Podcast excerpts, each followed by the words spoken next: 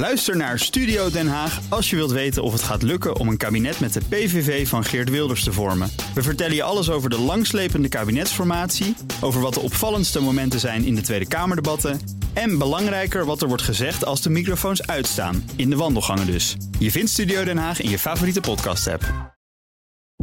Misdaadverslaggever Peter R. de Vries is neergeschoten en ligt zwaar gewond in het ziekenhuis. Nederland is een narco-staat. De recherche kan de drugscriminaliteit niet meer aan. We spelen een dominante rol in de drugsproductie, softdrugs, maar ook de ecstasy-pillen. Daarnaast de export naar allerlei omliggende landen uh, is Nederland echt groot in. Steken- en schietpartijen. In heel Nederland bijna toename van 30% En we zien ook dat de jongeren die die delicten plegen jonger worden. Dus uh, dat is erg zorgwekkend. Als jij als jongere, maar ook jouw ouders en jouw grootouders al decennia lang eigenlijk niet echt helemaal mogen meedraaien in een Nederlandse maatschappij. En er zegt daar een andere criminele club, ja, maar je mag wel bij ons meedraaien.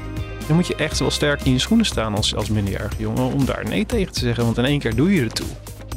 Je luistert naar Polder in de Fik. In vier afleveringen beantwoorden we de vraag: hoe veilig is Nederland?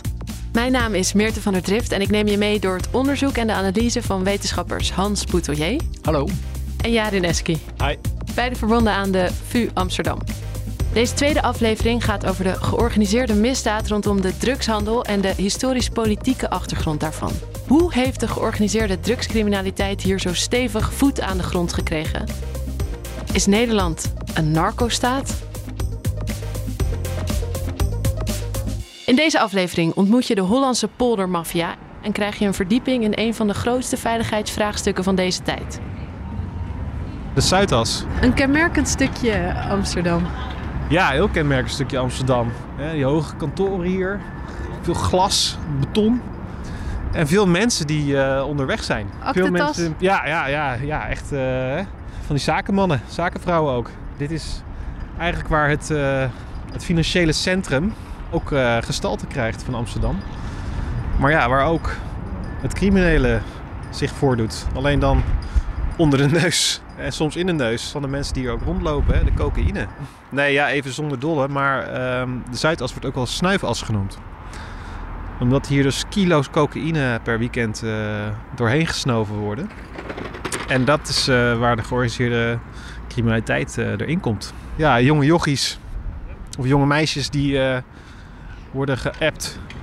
En dan leveren ze even een, een paar grammetjes bij verschillende cafés ook. Ja, waar komen we nu? Nou, we zijn nu op weg naar uh, Amsterdam Zuid station. Een rolkoffertje. En weer een rolkoffertje. Ja. En allemaal nette mensen, allemaal, ja, een beetje van mijn leeftijd, van jouw leeftijd, die hier uh, en komen hard werken. En ja, work hard, play hard. Hè? Dat, dat play hard met, met cocaïne. Is het gekke van deze plek. Waar de legale bovenwereld en de criminele onderwereld elkaar direct tegenkomen. Na de moord op advocaat Dirk Wiersum en misdaadverslaggever Peter R. de Vries, waar we Polder in de Fik mee begonnen, is het label Nederland Narcostaat weer in gebruik genomen. Maar klopt dat wel? Je hoort het in deze aflevering. Ja, en waar hebben we het over? Wat is een narcostaat? Ja, narcostaat. Dan uh, denk je vrij snel aan de serie Narcos uh, van Netflix. Veelal gaat het in op, op ja, Zuid-Amerikaanse landen die gerund worden door uh, drugsbendes, waarbij de overheid super corrupt is en waar de war on drugs gefaald is. En zie je dat ook in Nederland? Ja, in zekere zin wel. Misschien alles behalve die grote snorren. ja, ja, in Nederland kun je dat wel, wel terugzien. Uh, en België ook overigens. Um, denk maar aan, aan nou ja, de moord op Dirk Wiersum, Peter R. de Vries. Dat geweld is in één keer geëxplodeerd, de drugsgeweld. maar ook het feit dat de cocaïne wekelijks door de havens heen stroomt. van, van de havens naar de neuzen in de snuifas, hè, de Zuidas bijvoorbeeld. Dat, dus, dat, dat zijn allemaal kenmerken waarvan men dus zegt, dit is een narcostaat. Maar we moeten de zaken ook niet overdrijven. Waarom heb je dat gevoel? Nou, ik, ik neem het probleem heel serieus.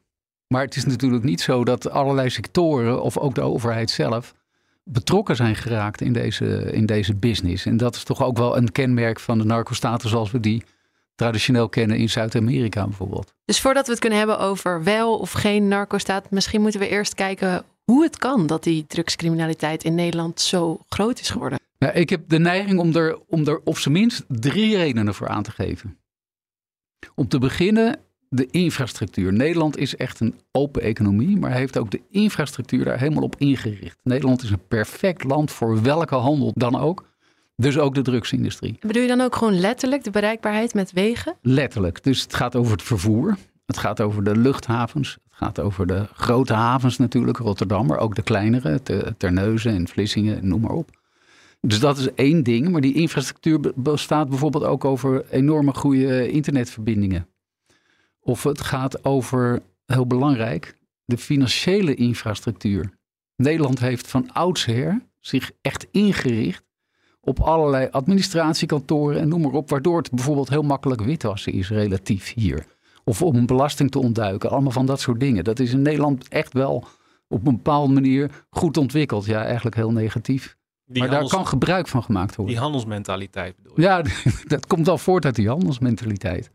Dus dat is ook allemaal onderdeel van de infrastructuur. Nog een ander punt van die infrastructuur. We hebben een internationale bevolking. Dat is een heel, heel belangrijk punt eigenlijk in die internationale eh, vertakking van de drugsindustrie. Dus dat is één grote reden. De infrastructuur en dan in zijn, in zijn volle, uh, volle omvang. En waarom dan juist die internationale bevolking? Wat is daar voordelig voor? Nou, dan zijn makkelijk de contacten gelegd.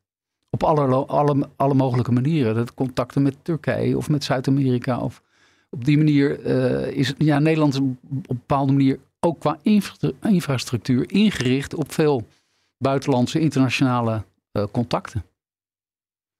Tweede reden. Nederland heeft zeg maar vanaf de jaren 60, 70 uh, is, is eigenlijk vrij wankelmoedig, laat ik het zo maar even noemen, in wat we nou eigenlijk moeten met die drugs.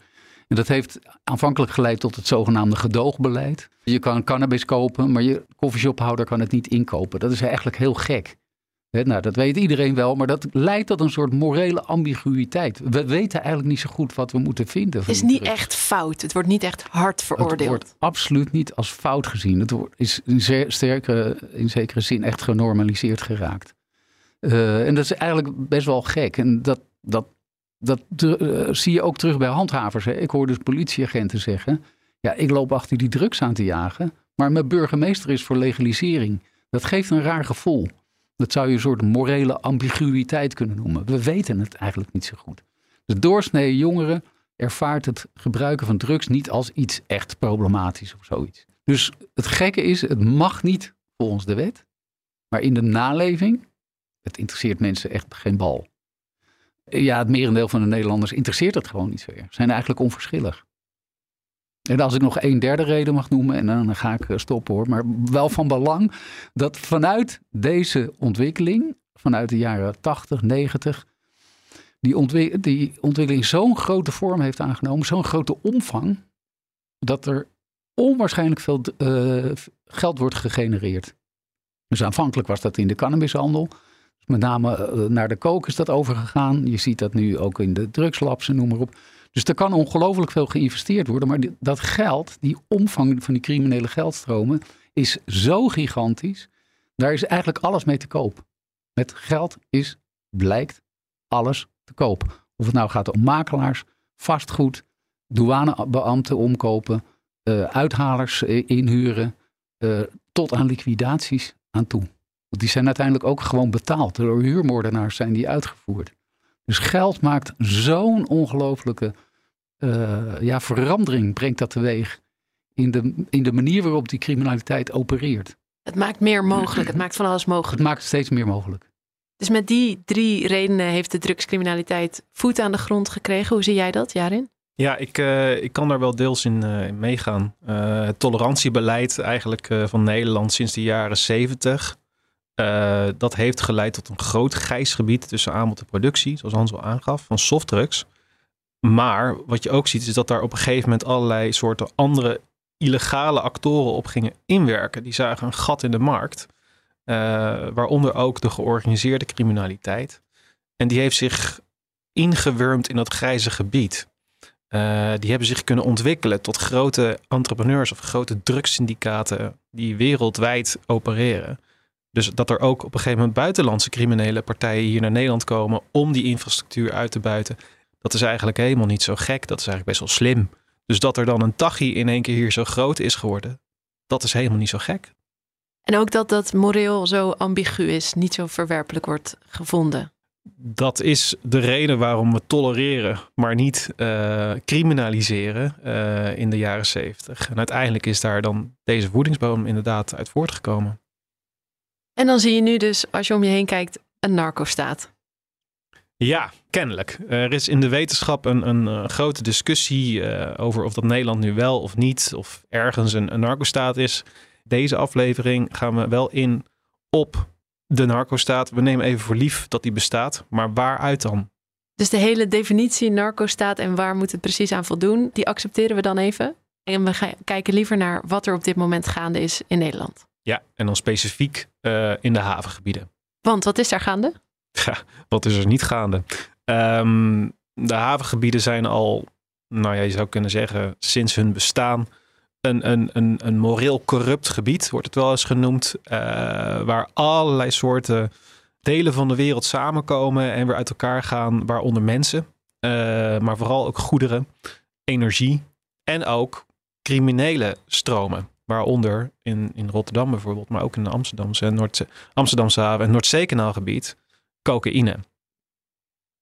Bedoel je dat van oudsher het havengebied eigenlijk altijd al een ja. dubieus uh, gebied ja, is? Ja, in, je zou het een soort liminale zone kunnen noemen, een soort tussengebied. Ja, ja bijvoorbeeld uh, een, een, uh, een tussengebied waar, uh, nou ja, dans le port Amsterdam, Jacques Brel, die, die zingt daarover.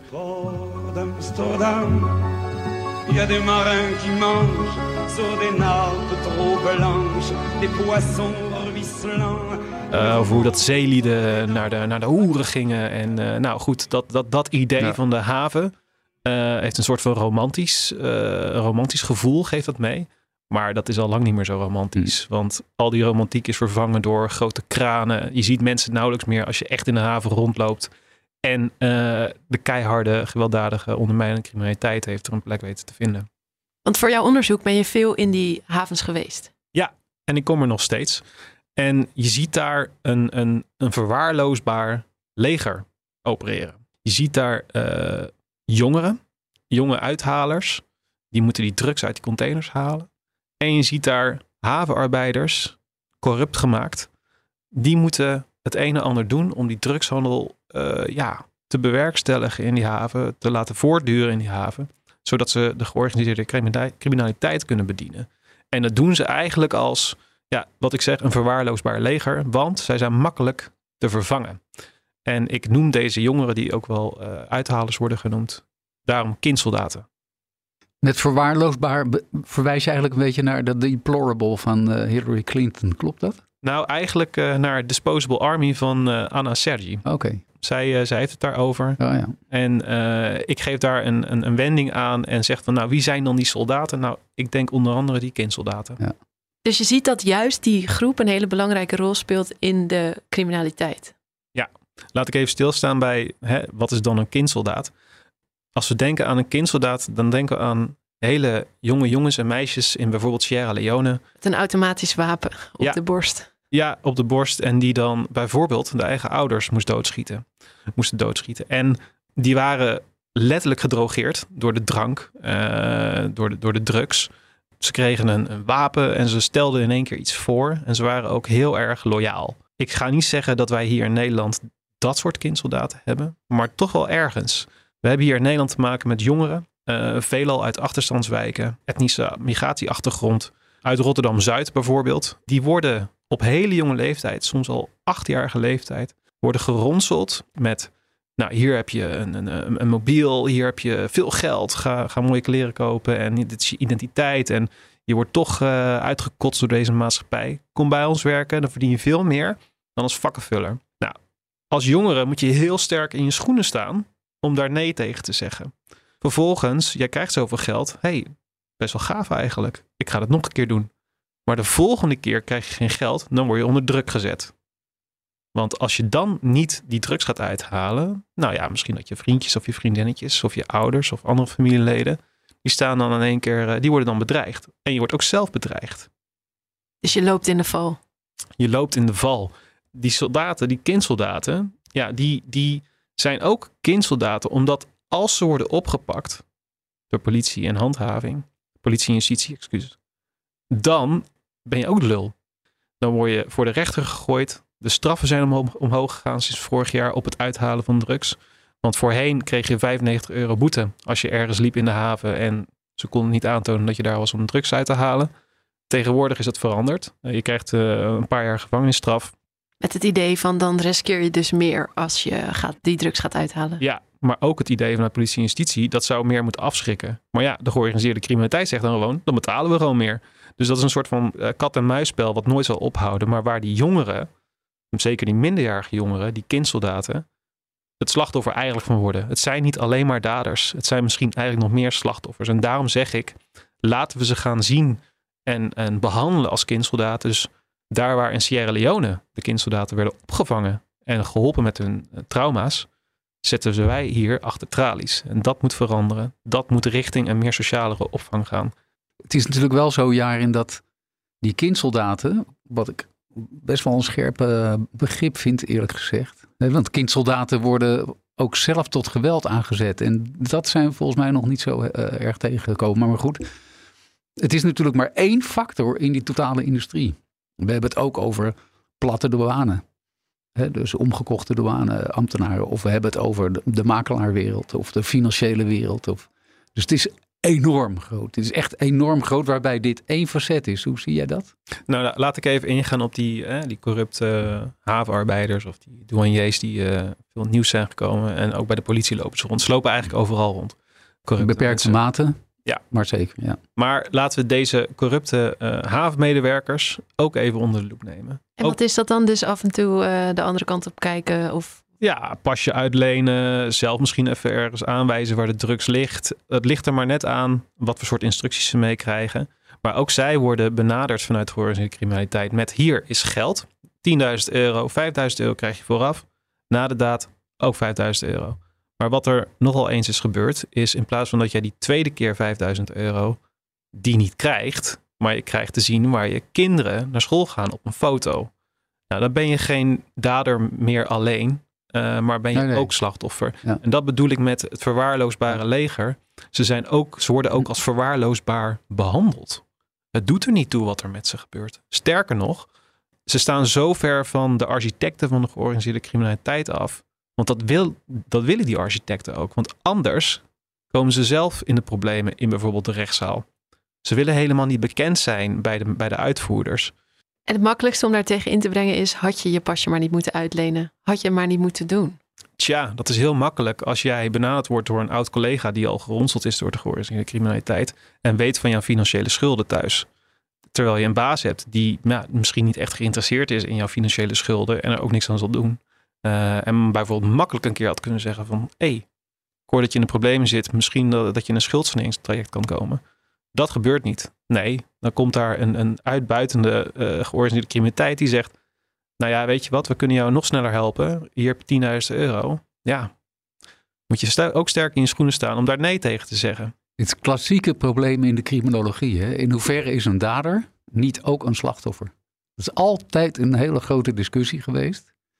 Waarbij ik zelf wel altijd een beetje het standpunt heb ingenomen. Je moet uiteindelijk ook eh, mensen moreel serieus nemen. Met andere woorden, als ze die stap zetten, is dat uiteindelijk toch ook wel een klein beetje aan, hun, zich, aan hunzelf te wijten. En natuurlijk kun je altijd naar de omstandigheden eh, verwijzen waar het gaat om schuld en allemaal van dat soort dingen meer. Maar er is hier natuurlijk altijd ook dat morele moment voor een persoon om te zeggen: ik kan dit wel doen of ik kan dit niet doen.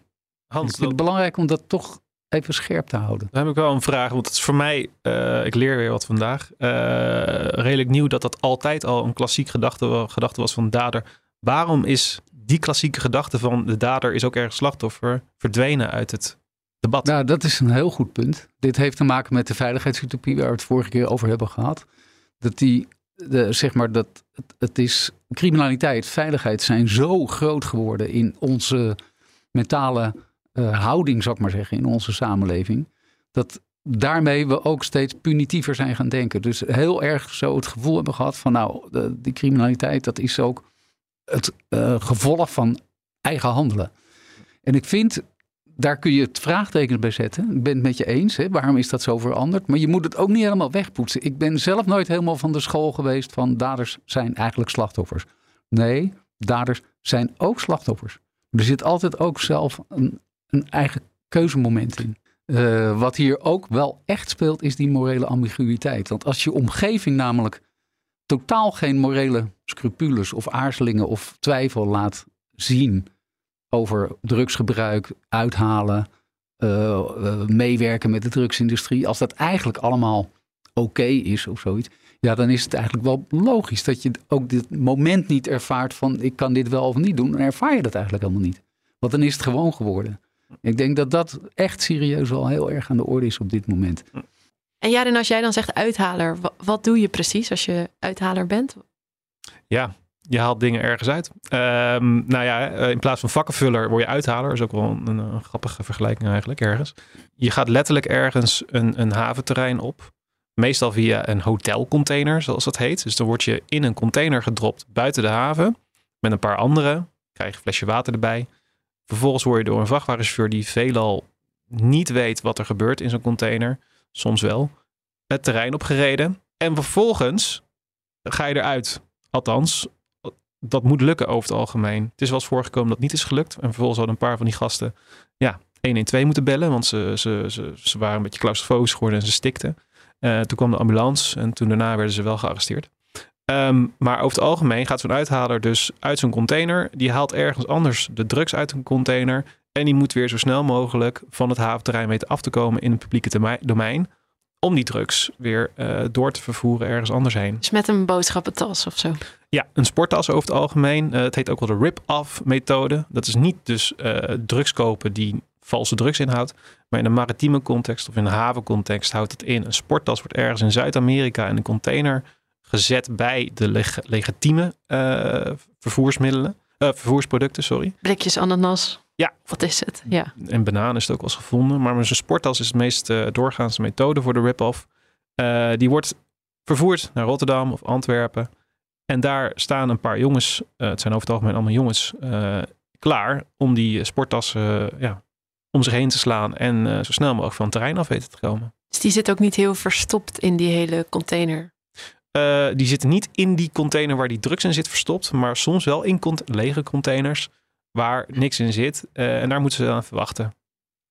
Maar ik kan me niet voorstellen dat zulke grote hoeveelheden, dat was eigenlijk mijn punt, door die uithalers worden. Dat, zijn er nog andere manieren om die drugs uit die containers, naar, snap je dat? Dat was mijn vraag. Ja, dat kunnen toch niet allemaal die jochies. Sporttassen vol, dan, dan, dan, dan... Nou, dat is zoveel.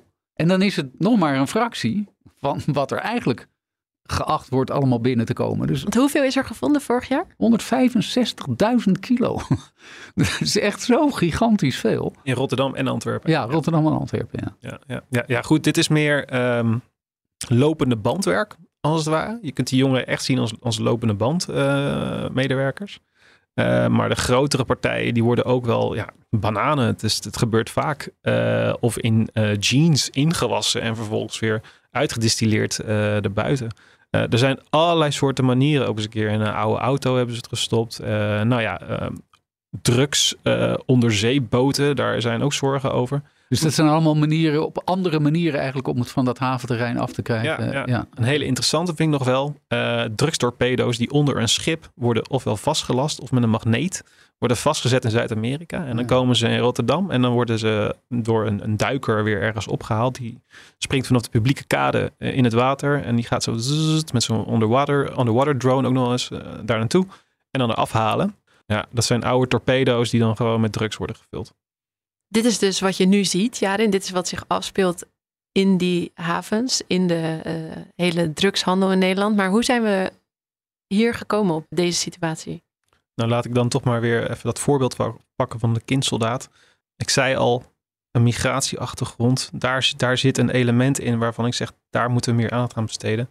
Hans noemde het net uh, internationale bevolking. Als we naar diezelfde jaren 70 teruggaan, waar, waar ook Hans net over had, qua tolerantiebeleid van drugs, dan zien we ook dat Nederland vooral bezig was met arbeidsmigratiestromen richting onszelf te, te richten. Uh, hè, dus Turkse en Marokkaanse arbeiders die vooral hier naartoe kwamen, zoals mijn vader, een Turks arbeidsmigrant, die, uh, die kwamen hier. Die moesten hier werk doen wat nou, toch werk was wat niet graag gedaan werd door de autochtone Nederlander. Mag je dat woord nog zeggen, autochtoon? Um, en uit daar, daaruit kwam ook gezin, gezinshereniging, gezinsherenigingspolitiek, uh, beleid ook. Um, deze gezinnen over het algemeen werden in bepaalde wijken geplaatst. Uh, deze wijken die veelal zichzelf tot achterstandswijken hebben ontwikkeld. Vrij weinig aandacht voor het reilen en zeilen in die wijken, maar ook voor de jongeren die daaruit voort zijn gekomen. Ik ben er daar één van, maar dat is tweede generatie. Wat je nu ziet zijn meestal derde, vierde generatie jongeren, uh, Marokkaanse en Turkse jongeren, maar ook Antilliaanse jongeren, die worden geronseld. Nou, wat wil dit nu zeggen? Eigenlijk zeg ik hier, Nederland, als wij de georganiseerde criminaliteit willen aanpakken, dan moet je verder terug gaan kijken naar de oorzaak. Dat is dus ook onder andere niet alleen de tolerantie uh, van, van het drugs, maar ook hoe dat wij met arbeidsmigratie om zijn gegaan. Dus hoe komt het dat die drempel voor een bepaalde groep zo laag is om bijvoorbeeld mee te gaan als, uh, in dat systeem als uithaler of om een rol te krijgen daarin? Als jij als jongere, als minderjarige jongere, maar ook jouw ouders en jouw grootouders al decennia lang eigenlijk niet echt helemaal mogen meedraaien in een Nederlandse maatschappij. En er zegt daar een andere criminele club, ja, maar je mag wel bij ons meedraaien. Ja, ik zeg het nog maar eens een keer, dan moet je echt wel sterk in je schoenen staan als, als minderjarige jongen om daar nee tegen te zeggen, want in één keer doe je er toe. Dus voor het eerst word je gezien? Voor het eerst word je gezien, helaas, door ogen die uh, andere interesses hebben in jou dan dat ze voordoen. Kijk, die georganiseerde misdaad die nestelt zich juist in de wijken waar de problemen toch al zo groot zijn. Dus dat komt echt als probleem bij. En dat gaat het niet alleen om het recruteren van die jongens, dat gaat ook om drugspanden. Ik denk dat er te veel wijken zijn, en dat blijkt ook uit onderzoek, waar het perspectief op een beetje een aardige toekomst is echt volledig afwezig. Ja, en dan wordt het inderdaad heel moeilijk om nee te zeggen tegen mensen die zeggen van nou, ik heb wel een soort perspectief voor jou. Het is echt zo ontzettend belangrijk. En je ziet ook wel op dit moment dat er meer geïnvesteerd wordt. Ik heb een aantal hele goede voorbeelden gezien, bijvoorbeeld in Arnhem. In jongerenwerk, echt ook heel goed jongerenwerk. jongerenwerk waarbij de kinderen eigenlijk van, ouds, van jongs af aan eigenlijk al een beetje bij de hand worden genomen. Huiswerkbegeleiding, sporten, bewegen, praten. Eventueel met die ouders erbij. Echt, echt op een manier waarbij, je, waarbij ze een glimp van een mogelijke toekomst gaan zien. Waardoor het duidelijk wordt ook, ga in vredesnaam niet die route van die drugscriminaliteit. Want het, uiteindelijk word je daar echt, echt niet beter van. Nou, dat besef, ik denk dat dat ontzettend belangrijk is.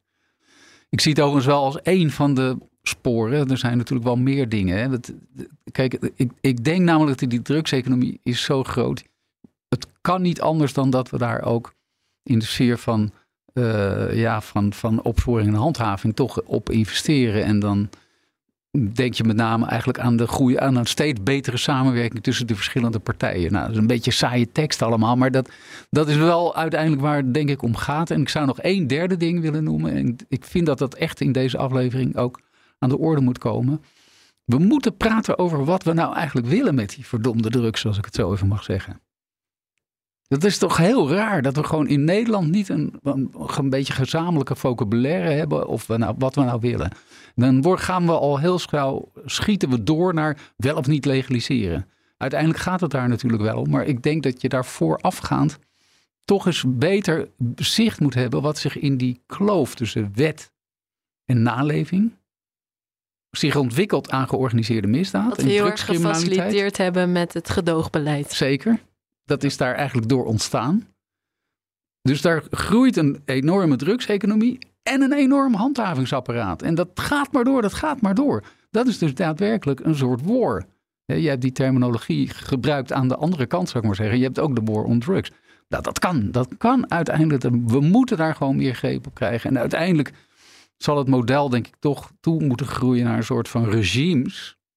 Van afhankelijk van het soort druk dus de, de, cannabis, ja, die is min of meer vrijgegeven. Ja, ga die dan ook echt maar reguleren. Tegen de achtergrond van een algeheel ontmoedigingsbeleid. Cocaïne zou je zelfs ook kunnen overwegen, zoals de burgemeester van Amsterdam heeft uh, voorgesteld. Maar het is te snel eigenlijk om daarin door te schieten. Je moet eerst echt een beter beeld hebben van wat is er nou eigenlijk aan de hand? Wat zijn de mogelijkheden? Wat zijn de verschillende regimes? Ja, en volgens mij zit daar ook die vraag in, wat, wat vinden we nou eigenlijk goed en fout? En ik denk dat is een zelfconfrontatie. En ik denk dat die zelfconfrontatie veel verder terug nog de geschiedenis ingaat. En ik ga hem hier toch eventjes, uh, eventjes maken. Um, wat je ziet, wat, wat al die punten gemeen hebben van Hans, dus infrastructuur, geld en internationale bevolking, dat komt allemaal voort uit een handelsmentaliteit. Vroeger gingen we al de zee op, we waren er goed in als natie.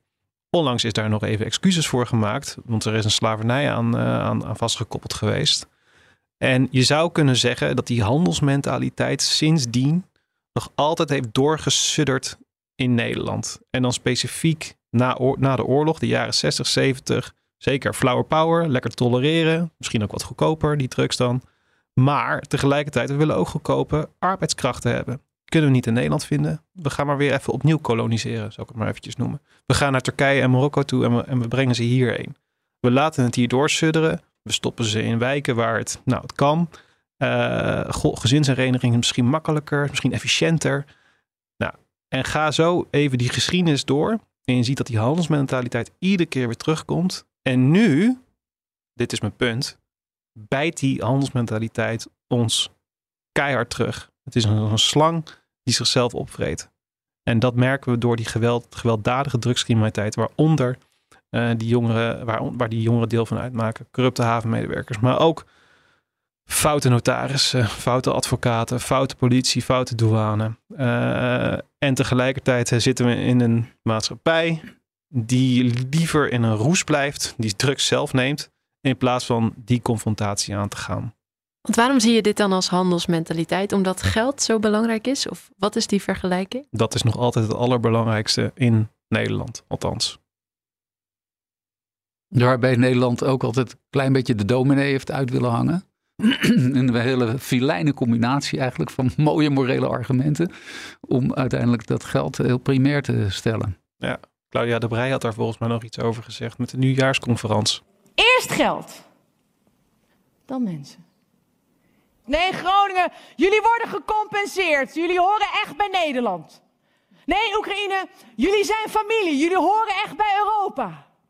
Als Oekraïne, mogen we dan bij de EU? Ja, nou, ja, jullie zijn wel familie en zo, maar uh, het huisje voor familieweekend zit helemaal vol. Dus als je zo teruggrijpt op die handelsmentaliteit, is Nederland dan een narcostaat? Zou je dat zo zeggen? Ik heb uh, nu de afgelopen jaren gezegd dat Nederland de eerste narcostaat is vanwege deze problematiek. Maar misschien is het nog wel erger. Misschien is het gewoon al die tijd een schurkenstaat geweest. Alleen heeft het nu een mooi jasje en dasje aangekregen. En wat is dan het jasje en het dasje? De politiek die gevoerd wordt, uh, na, naoorlogse politiek van efficiëntie denken. Volgens mij heeft Hans daar een mooi woord voor. Pragmacratie. Ja, ik denk dat de gewelddadige drugscriminaliteit daar uh, het pragmatisch denken, het pragmatisch omgaan met alles en iedereen, want dat is efficiënt, dat bespaart geld. Geld heb je meer. Dat dat nu eigenlijk voor het eerst nu echt terug in ons gezicht wordt gespuugd. Dus je zegt Nederland is geen narcostaat geworden. Nederland was het al. Ja, en dus misschien wel erger. Gewoon een schurkenstaat, alleen dan nu. In een, in een netjasje. Ja, ga je er mee, Hans? Hmm, ja, nou, in de analyse ga ik absoluut in mee. De, de terminologie. Denk, kijk, het punt is natuurlijk wel dat die handelsmentaliteit, die heeft ook best wel veel gebracht. Dat, dat is altijd een beetje het lastige bij dit soort analyses. Hè? Als je alleen die kritische kanten benadrukt, dan zie je eigenlijk niet wat, uh, waarom het voor mensen ook voordelig is geweest om dat te doen. Waarom gastarbeid ook voor de uh, gastarbeiders die hier kwamen gewoon ook een aantrekkelijke propositie was. Waarom gezinshereniging ook op morele overwegingen, bijvoorbeeld door het CDA, door de christelijke politiek, gewild is. Omdat ze het onmenselijk vonden om die mannen hier alleen te laten. Snap je? Dus dat soort overwegingen spelen ook altijd een rol in dit, dit type kritische analyse. Ja, dan ga je er wel aan voorbij dat die mannen, waar mijn vader er eentje van was, eigenlijk wel van plan was om weer terug te gaan, maar hij ontmoette een Nederlandse vrouw. dat kan natuurlijk ook. Ja, een aparte casus dan weer. In de volgende aflevering van Polder in de Fik gaat Hans Boutelier in op polarisatie. Nou, polarisatie in deze tijd heeft heel erg te maken met identiteitspolitiek. En de identiteitspolitiek is heel erg van ja, wie zijn we? En daar speelt de migratie, het migratievraagstuk. En de super diverse samenleving die we zijn geworden, speelt daar echt een grote rol in. Dus het ligt echt in het verlengde van wat we hier zo besproken hebben. Dat hoor je in aflevering 3.